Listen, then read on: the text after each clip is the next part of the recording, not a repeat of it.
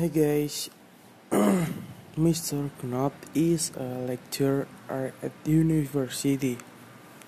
One day, he was very tired and went home with the excess in all of his body. When he arrived home, his phone rang and he picked up right away. Hello, who is there? What? What is your name? What? Asked. What is your name?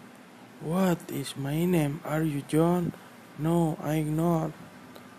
Could you tell your name? Will not. But men are hanging up and talking with the good man. Uh, the boom.